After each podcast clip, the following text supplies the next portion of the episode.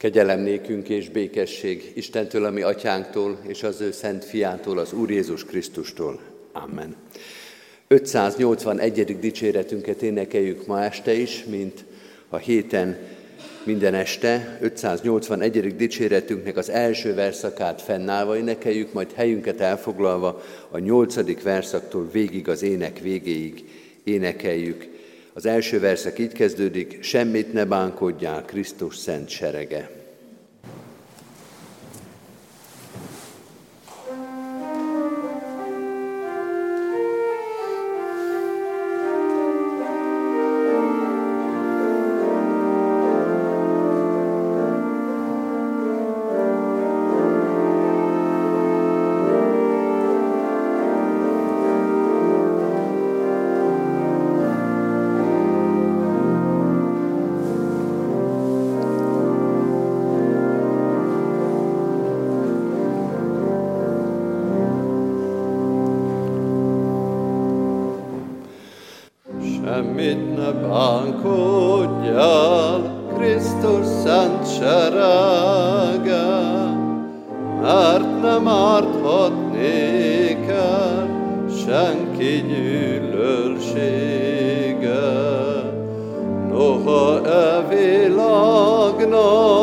rajtad dühössége,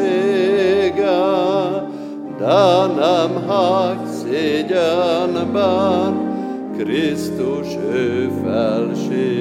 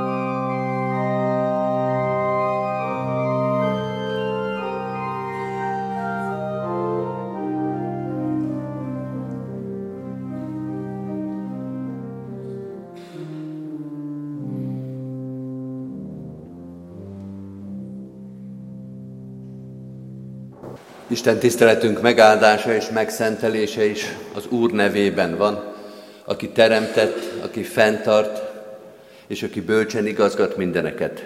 Amen. Imádkozzunk. Urunk, hiszük, hogy Te vagy az, aki mindent teremtettél, mindent fenntartasz és mindent irányítasz. Olyan jó lenne tudni, hogy a mi életünk is beletartozik ebbe a mindenbe. Néha ezt nehezebb elhinni, mint az egész világ teremtéséről, megtartásáról szóló tanítást. Néha nehezebb megtapasztalni, hogy a mi életünk sem gazdátlan, hogy nem elveszett, hogy a Te féltő, szerető tekinteted kíséri az életünket.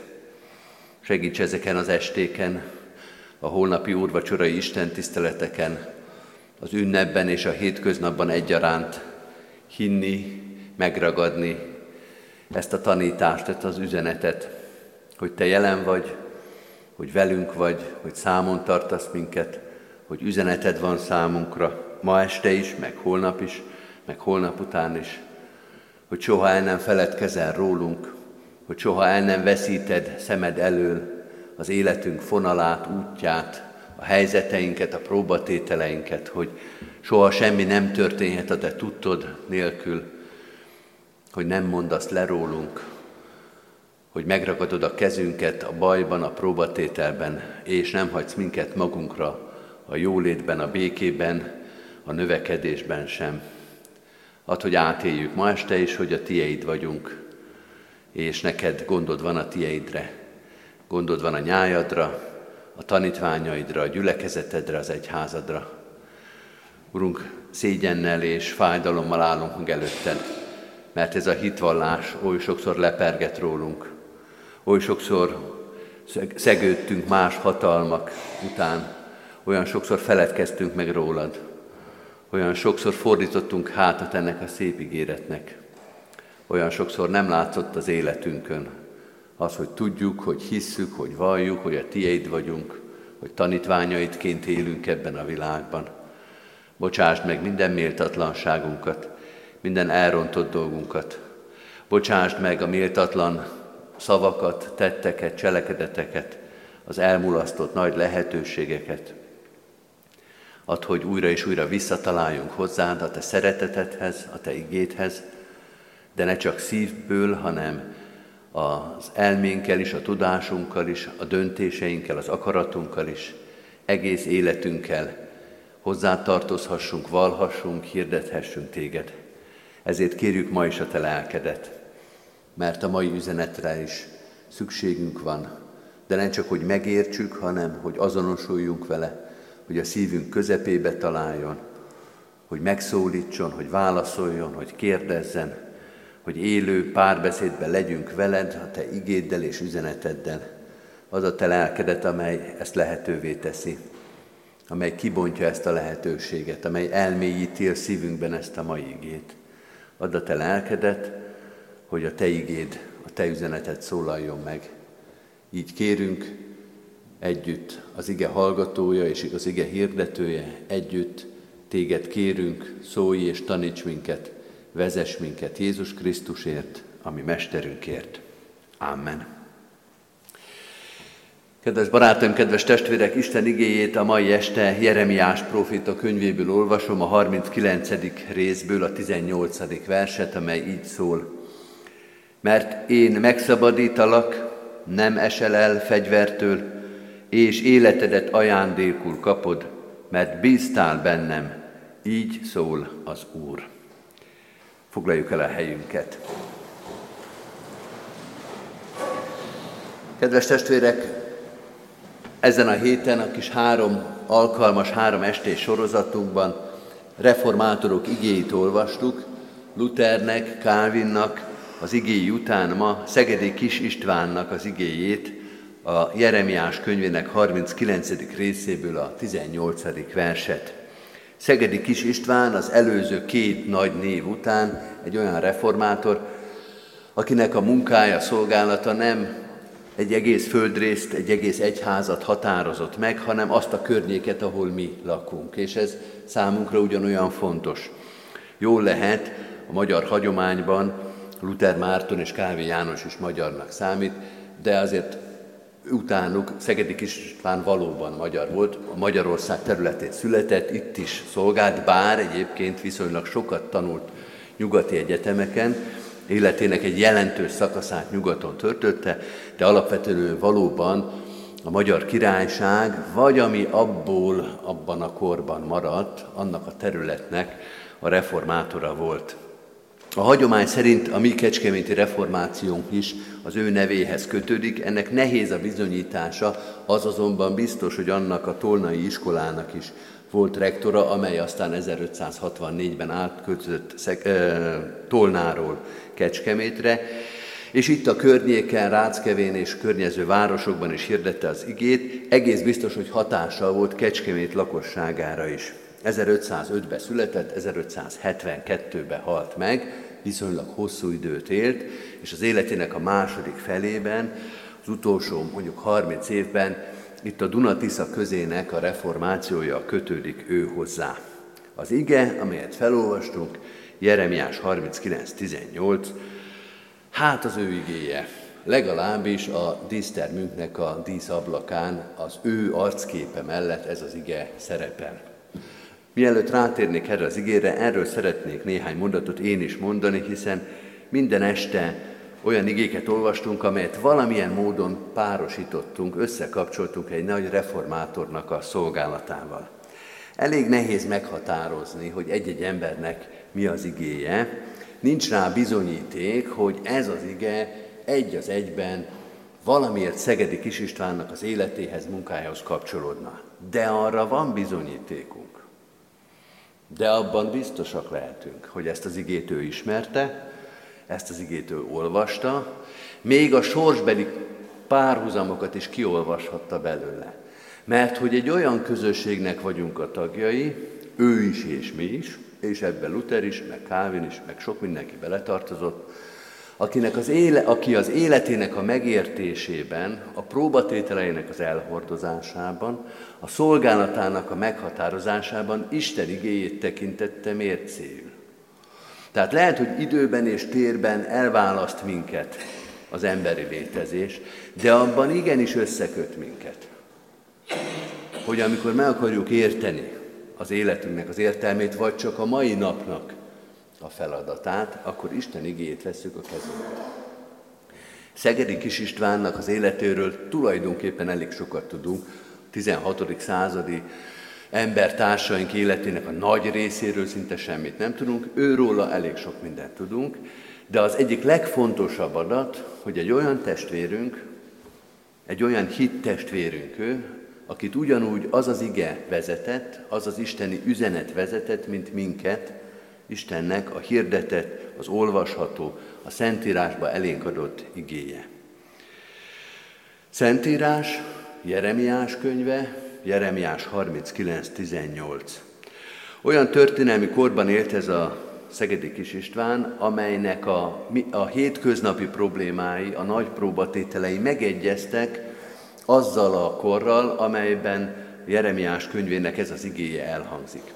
A Jeremiás 39.18 az tulajdonképpen a babiloni fogságnak a kezdete, egy olyan kor, a, tizen, a, bocsánat, a Krisztus előtti 6. század vége felé, amikor a babiloni birodalom elfoglalja Jeruzsálemet, tulajdonképpen letarolja az országot, lerombolja a fővárost is, megszünteti az addig már egyébként elég gyenge lábakon álló zsidó államnak az állami létét, fölszámolja a zsidó államnak az államapparátusát, az állam vezetését, és fogságba hurcolja a lakosságnak a jelentősebb részét, nem létszámban, hanem mondjuk társadalmi potenciába, a nincsteleneket hagyják ott, aki bármilyen szempontból vezető ember lehet, azt vagy kiírtják, vagy fogságba hurcolják.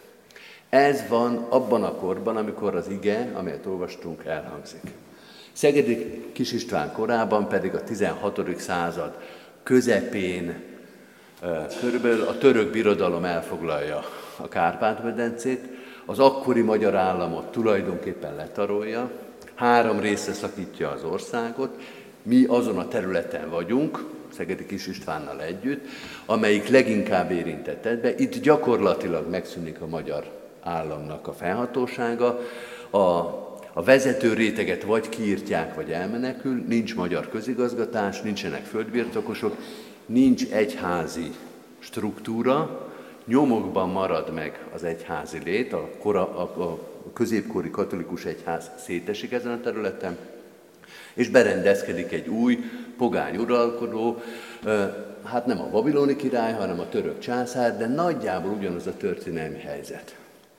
Még abban a kis mikrotörténetben is hasonlít Jeremiásnak és Szegedi Kis Istvánnak az élete, hogy a személyes életük is fogságokon keresztül zajlik, hol itt, hol ott zárják több-kevesebb ideig börtönbe őket. Jeremiást is tulajdonképpen ki kell szabadítania, ennek a szabadításnak a környékén hangzik el ez az ige is. Tehát a személyes sorsuk abszolút része annak a társadalmi sorsnak, amely körülveszi őket. Ezért gondolhatjuk, hogy nem túlzás azt gondolni, hogy az az ige, amelyet felolvastunk, Szegedi Kis Istvánnak sokat jelenthet, és az aztán meg pláne nem túlzás, hogyha valakik esetleg később Szegedi Kis István életének a leírására, vagy meghatározására ezt az igét alkalmasnak tartották. Másfelől, ha most már egy kicsit távolodunk egy nagy történelmi alak élettörténetétől, azt lehet mondani, hogy az ige, amelyet felolvastunk, és újra föl fogok majd még olvasni, az nagyon alkalmas arra, hogy az úrvacsorai készülésben segítsen minket, és nagyon alkalmas arra is, hogy a reformáció ünnepére készítsen minket, és a figyelmünket, a, a hitbeli gondolkodásunkat ezekre a pontokra irányítsa. Mert én megszabadítalak, nem esel el fegyvertől, és életedet ajándékul kapod, mert bíztál bennem, így szól az Úr. Ez az ige először azt mondja, ott akkor, és itt most, és a kettő között Szegedi Kis Istvánnak a 16. században, hogy Istennek személyes üzenete van számodra. Istennek személyes, névre szóló üzenete van számodra. Az ige elhangzása idejében, ahogy ezt említettük, a babiloni birodalom leigázza Jeruzsálemet, és egy Ebed Melek nevezetű, egyébként etióp származású jövevény, tisztségviselő, számára hirdettetik ez az ige. Egy Ebed Meleg nevezetű személy, nem sokat tudunk róla, de ott akkor egy kicsit közben jár Jeremiás profétáért, a királyi udvarhoz tartozik, ő kapja ezt a személyes üzenetet, ő kapja ezt a személyes bíztatást. A 16. században, a Mohácsi vész után, a három része szakadt országban, a a széteső Magyarország területén a berendezkedő török birodalom, pogány birodalomnak az árnyékában vagy súlya alatt, az elnéptelenedő területeken az árván maradt lakosság üzenetet, biztatást kap Isten igéjéből. Mind a két helyzetre igaz az, hogy ez egy emberi káosz, egy emberi szétesés.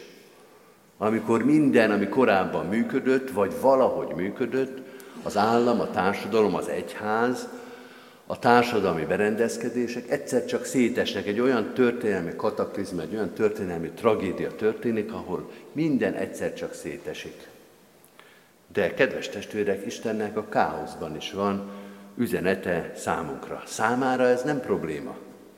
Számára ez nem szétesés. Számára ez nem az üzenetnek, a reménységnek, az, ige, az igének, az ige hirdetésnek ez nem akadálya.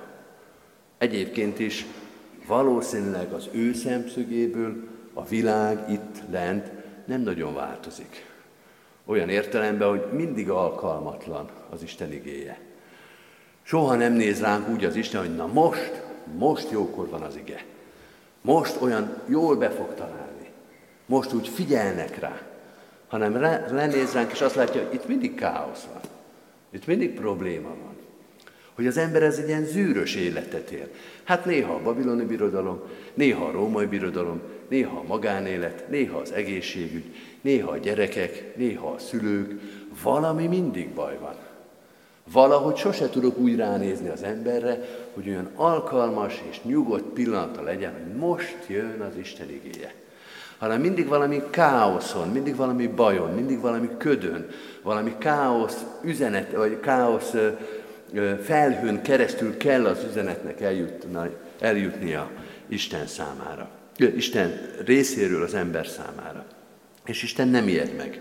És Isten nem hátrál meg, és Isten nem mond le rólad, hogy üzenetet adjon át számodra. És ne hidd azt, hogy a te életed az kevésbé fontos, mint Ebed meleké volt annak idején. A széteső Jeruzsálembe, a babiloni fogságnak a nagy árnyékába Istennek fontos volt egy Ebed melek nevezetű, név szerint ismert, név szerint számon tartott embernek a bíztatása. Azt ne hidd, hogy te kevésbé vagy fontos, mint ebedmelek. Azt ne hidd, hogy a te nevedet nem tudja az Úristen. Azt ne hidd, hogy a te sorsoddal nincsen tisztába. Ennek a nagyjából ismeretlen, régi-régi, Krisztus előtt 6. században élt embertársunknak az élete az arról szól, hogy Isten látja, tudja, számon tartja, és még arra is van gondja, hogy valamit neki mondjon. Nem a szomszédjának, nem az előtte ülőnek, nem a királynak, nem a zsidóknak, mert ugye ezt tudjuk, hogy ez egy etióp ember, nem az üzenetre méltóbbaknak, az elsődlegeseknek, akiknek az Isten igéje szól, hanem annak is, akinek tulajdonképpen nem szól. Idáig nem is szólt, idáig talán nem is hallotta. Nem ő volt a hivatalos, nem ő volt, nem ő volt, aki az első sorban. És Istennek volt gondja ebbe a káoszba azt mondani, hogy én ennek az embernek valamit mondani akar. Isten lát, Isten felismer, Isten számon tart téged. Amikor holnap kijövünk az Úr vacsorához, amikor holnap ez az asztal meg lesz terítve és jövünk ki, akkor Isten föl fog minket ismerni. És nem fog úgy ránk nézni, hogy te ki, ki vagy? Te mit keresel itt? Te hogy kerülsz ide a megterített asztalhoz? Téged nem ismerlek. Te nem vagy méltó ehhez az asztalhoz. Téged nem hívtak. Hanem ez az ige azzal indítja ezt a történetet, hogy neked itt helyed van. Számodra itt üzenet van. A te neved, ugye ahogy mostanában szokás, a névkártyád oda van téve az asztalhoz. Ugye milyen az, amikor az ember a lakodalomba bemegy, és akkor ott van a hatalmas asztal, és megy föl alá, és keresi a helyét. Van egy kis drukk az ember, milyen kellemetlen, hogyha kiderül, hogy az ő neve nincsen ott. És milyen jó, amikor meglátja, hogy ott van. Nem is olyan rossz helyen, nem is olyan messze az ifjú pártól. És Isten azt mondja ennek az embernek ott, Ebed Melek a neve, meg ennek az embernek itt, hogy a te neved, a te névkártyád az ott van. És neked van helyed ennél az asztalnál. Ez az első üzenete ennek a régi történetnek.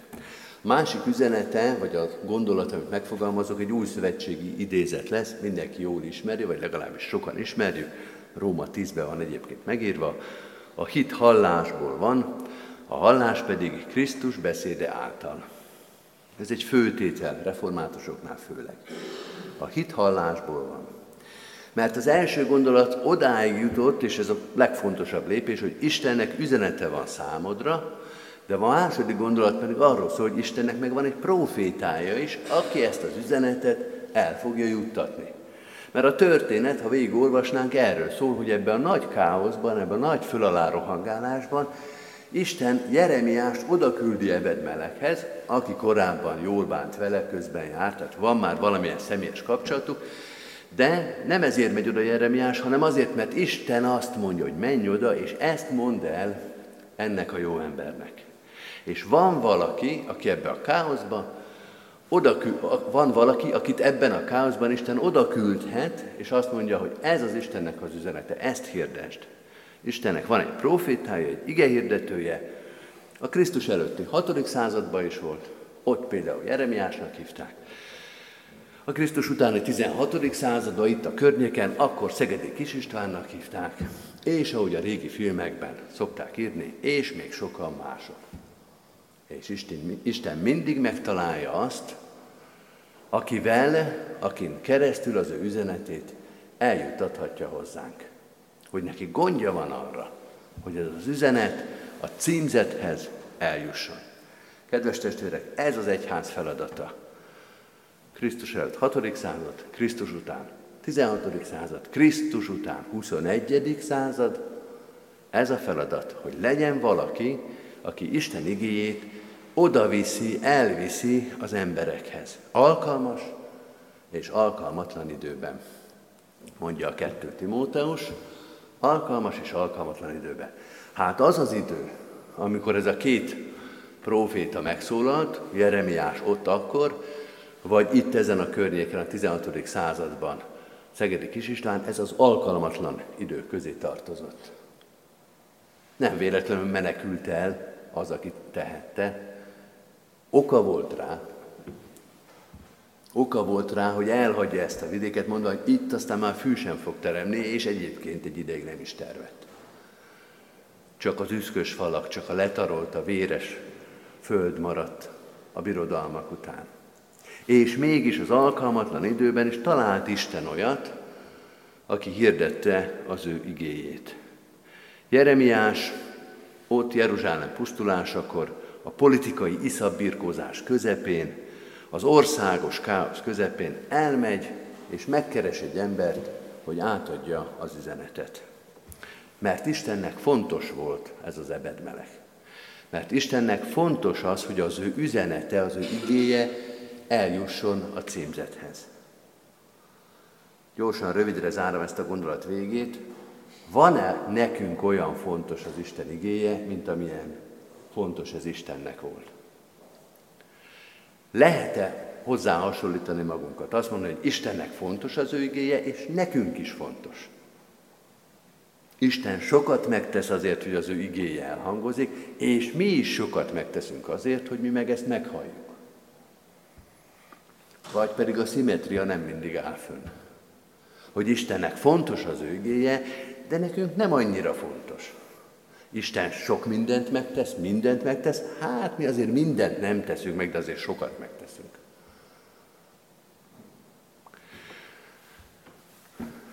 A 18. században, Szegedi Kis István után mondjuk 200 évvel az ország, akkor már török nem volt itt, de a bajok még itt maradtak, és az ellenreformáció idején volt egy jelenség, azt úgy hívták, hogy az árva eklésiáknak az időszaka.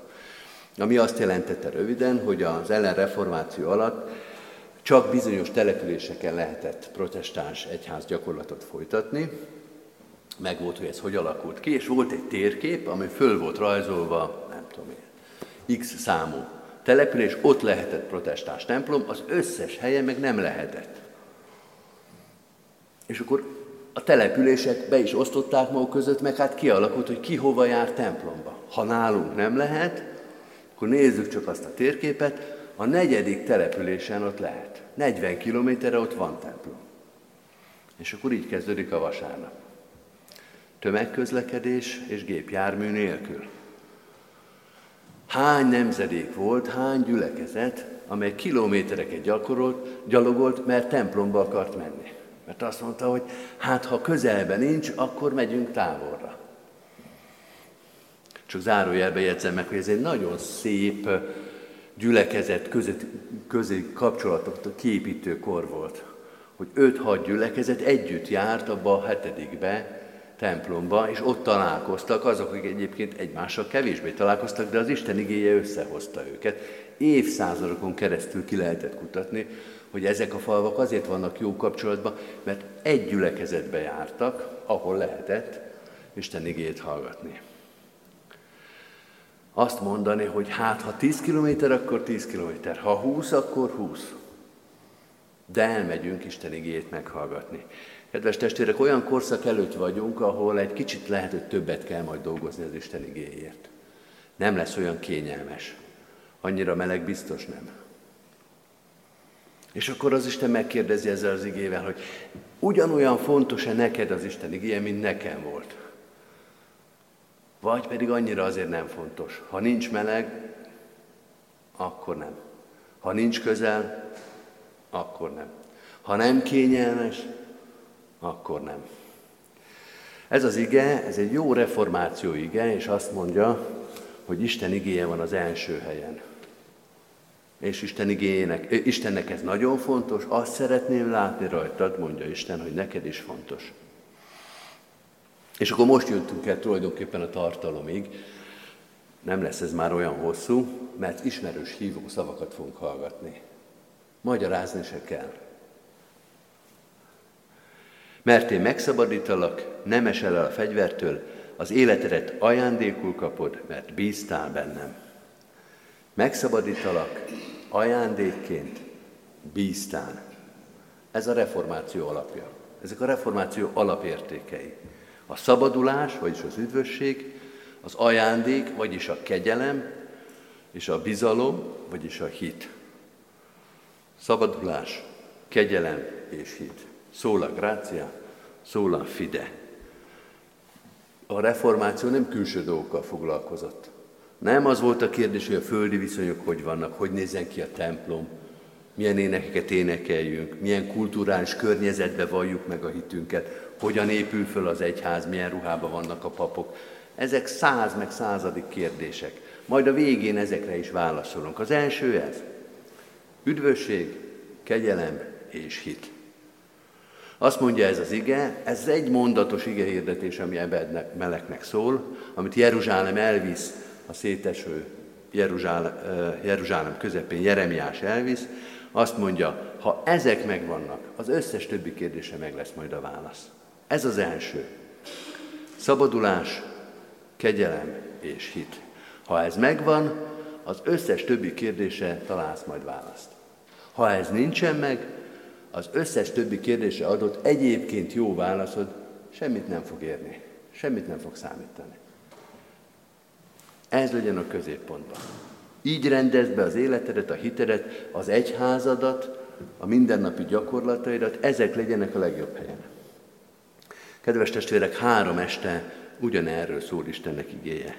Üdvösség, kegyelem és hit. És erről fog szólni vasárnap is, holnap az úrvacsorai Isten tiszteleteken, meg hétfőn, meg pláne a reformáció Isten tiszteleteken. Tegyük helyére a dolgokat. Ezek legyenek középen, ezek legyenek rendben. Ha ezek rendben lesznek, hidd el, hogy életed minden kérdésére Isten igéje megadja a választ. Adja a kegyelem Istene, hogy ebben a reménységben, ebben a bizodalomban higgyük, keressük és fogadjuk el Isten válaszait. Amen. Hagyjuk meg a fejünket és imádkozzunk.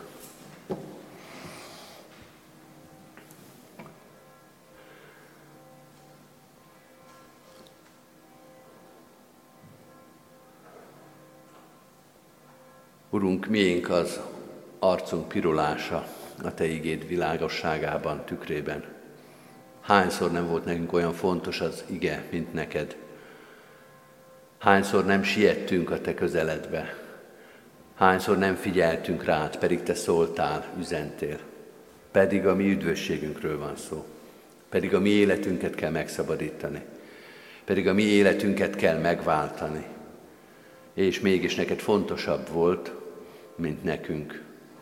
Áldunk és magasztalunk azért az irgalomért, azért a türelemért, amivel nem mondtál le rólunk, nem vágtad ránk az ajtót, nem büntettél minket a restségünk miatt. Áldunk és magasztalunk azért az irgalomért, kegyelemért, amivel bár sokszor méltatlanok voltunk, de még arra is kiválasztottál minket, hogy üzenetedet hirdessük, hogy az életünkkel tanúságot tegyünk melletted hogy gyülekezetedben, egyházadban oda éljük ennek a társadalomnak a színe elé a te szeretetedet. Adj nekünk ehhez naponta erőt, hogy ne szégyent hozzunk rád, hanem dicsőséget a te nevedre. Hogy látván a cselekedeteinket téged dicsőítsenek. A város, az ország, a világ, amely körülvesz bennünket, hadd lássa meg rajtunk a te irgalmadat és kegyelmedet. Add, hogy a legfontosabb dolgok a helyükön legyenek. Az üdvösség, az irgalom, a hit, a beléd vetett bizalom, Add, hogy ezek mindig ott legyenek a szívünkbe, hozzád kapcsoljanak, belét kapaszkodjanak. Add, hogy ezek legyenek az alapjai a többi kérdés megválaszolásának. Annyi kérdés van most előttünk, és olyan sokra nem tudjuk a választ. Mi lesz majd, hogy lesz majd, hogyan szervezzük, mit csináljunk, mit ne csináljunk. Urunk, add, hogy a legfontosabb dolgok a helyükön lévén ezekre a kérdésekre is jó válaszokat találjunk. Add, hogy az egész életünk téged dicsőítsen, akár békesség, nyugalom, növekedés vesz körül, akár próbatétel vagy bizonytalanság, akár káosz, mint az elmúlt évszázadokban oly sokszor. Hiszük, Urunk, hogy ezek a földi körülmények nem takarják el a Te dicsőségedet, nem hoznak téged zavarba, nem hátrálsz meg evangéliumodat hirdetni, sőt, mindig van hatalmad és akaratod arra, hogy akármilyen földi körülmények között is élünk, a Te üzeneted eljusson szívekhez, életekhez, emberi közösségekhez. Erősíts meg most minket, mert ilyen helyzetben kell most téged hirdetni, a te üzenetedet közvetíteni, elmondani azoknak, akik már régóta várják és hallgatják a te igédet, meg azoknak is, akik még nem hallgatták, akik nem figyeltek, akik nem hitték, akik nem voltak kíváncsi rád. Tégy minket alkalmassá és készé az evangélium hirdetésére. Így könyörgünk az egész gyülekezetünkért és annak minden kis közösségéért, hogy szerte ebben a városban mindenhol profétákká, igehirdetőkké válhasson újra és újra a te gyülekezeted. Így imádkozunk az intézményeinkért, oktatási vagy szeretetszolgálati intézményekért, hogy a maguk helyén ők is a te evangéliumodat hirdethessék. Így könyörgünk az egész egyházért, hogy a magyar társadalmat átjárva mindenhol megszólaljon a Te vigasztaló, erőt adó, reménységet hozó igéd. Könyörgünk a városunkért, országunkért és nemzetünkért, imádkozunk az egész emberiségért, hogy ebben a válságos helyzetben a Te igéd és a Te üzeneted eljusson minden szívhez, és együtt dicsérjünk Téged a mennyei seregekkel.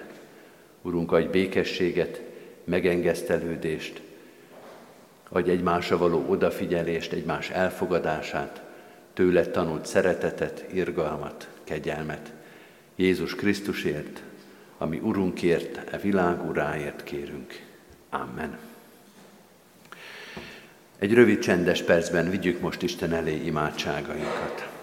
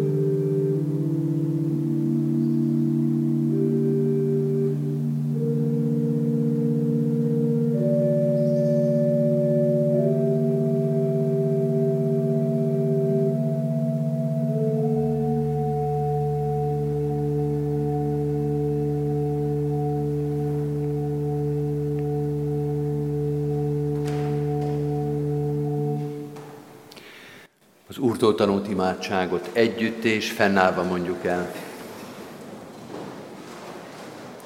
Mi atyánk, aki a mennyekben vagy, szenteltessék meg a te neved.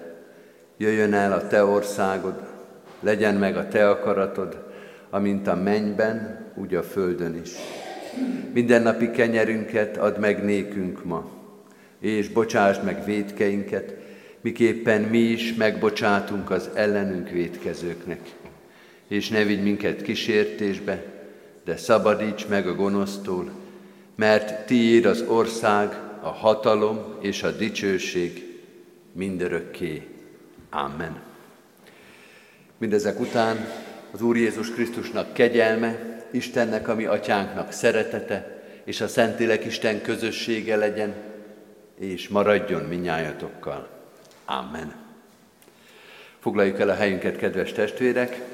Szeretettel hívunk és várunk mindenkit holnap és holnap után is Isten tiszteleteinkre holnap a vasárnapi alkalmak, urvacsorai alkalmak lesznek itt a templomban és, és minden Isten tiszteleti helyünkön, ahol Isten tiszteletet tudunk összegyűlni. Itt a templomban 9-kor, 11-kor és délután 6 órakor tartunk urvacsorás Isten tiszteleteket. Hétfőn, október 31-én a reformáció ünnepén délelőtt 9-kor és este 5 órakor tartunk alkalmakat. Az este 5 órás istentiszteleten Hajdusz Mola Patrik, az új evangélikus lelkipásztor hirdeti Isten igéjét, erre is külön szeretettel hívunk mindenkit. Elsőjén pedig, keddi napon tem, temetői istentiszteletek lesznek 11 órakor a református temetőben, este 5 órakor pedig a köztemetőben, ott ökumenikus alkalmat tartunk testvér felekezetek lelki pásztoraival. Az Úr Jézus Krisztus legyen gyülekezetünk őriző pásztora. Az áró énekünket énekeljük, az 585. dicséretünknek mind a hat verszakát, 585. dicséretünk, Úristen, Te tarts meg minket, és szent igédben hitünket.